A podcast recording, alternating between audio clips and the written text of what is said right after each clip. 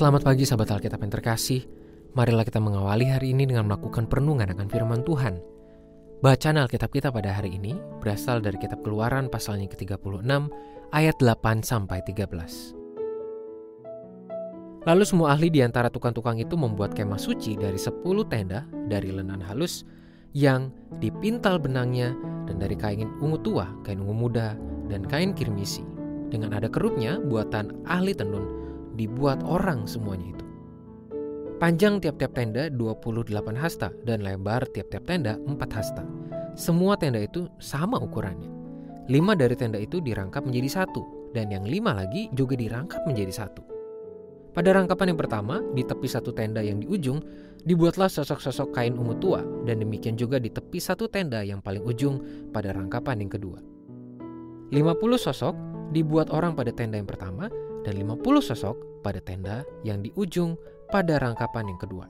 Sehingga sosok-sosok itu tepat berhadapan satu sama lain. Dibuatlah 50 kaitan emas dan disambunglah tenda-tenda kemah suci yang satu dengan yang lain dengan memakai kaitan itu sehingga menjadi satu. Di tengah perkembangan dunia industri, khususnya pakaian yang menghasilkan banyak produk yang terus berkembang, ternyata masih cukup banyak orang yang menyukai produk-produk buatan tangan atau handmade. Bagi orang-orang ini, produk pakaian yang dibuat tangan, apalagi bersifat made to order atau dibuat sesuai pesanan, memiliki nilai yang jauh lebih sentimental dan berkualitas dibanding yang dihasilkan dari hasil mesin-mesin pabrik.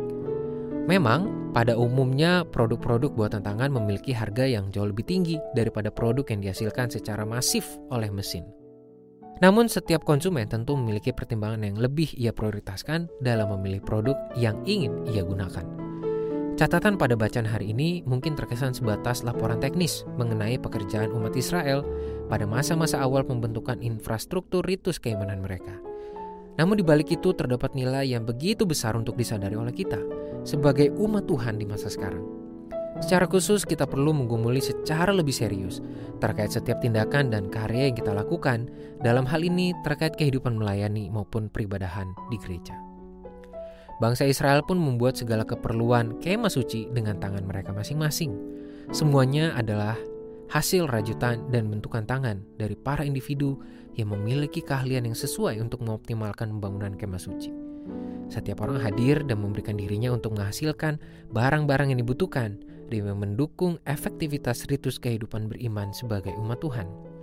Melalui catatan ini, umat Israel sebagai umat Tuhan menunjukkan bahwa setiap karya yang mereka kerjakan idealnya dihasilkan secara sungguh-sungguh, layaknya karya seni yang bernilai tinggi. Mereka memberikan upaya maksimal untuk menghasilkan karya terbaik yang mereka persembahkan kepada Tuhan.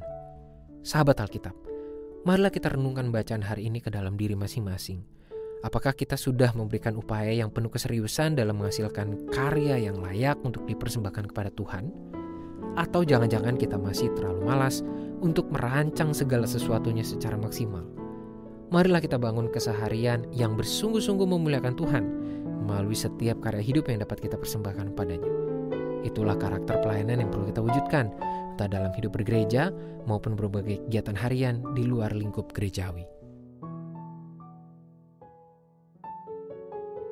Marilah kita berdoa. Tuhan terima kasih untuk semua kesempatan hidup yang Tuhan berikan pada kami.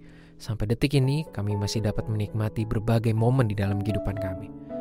Dan kami juga berterima kasih untuk setiap kesempatan bagi kami berproses memiliki keahlian segala hal yang dapat kami lakukan.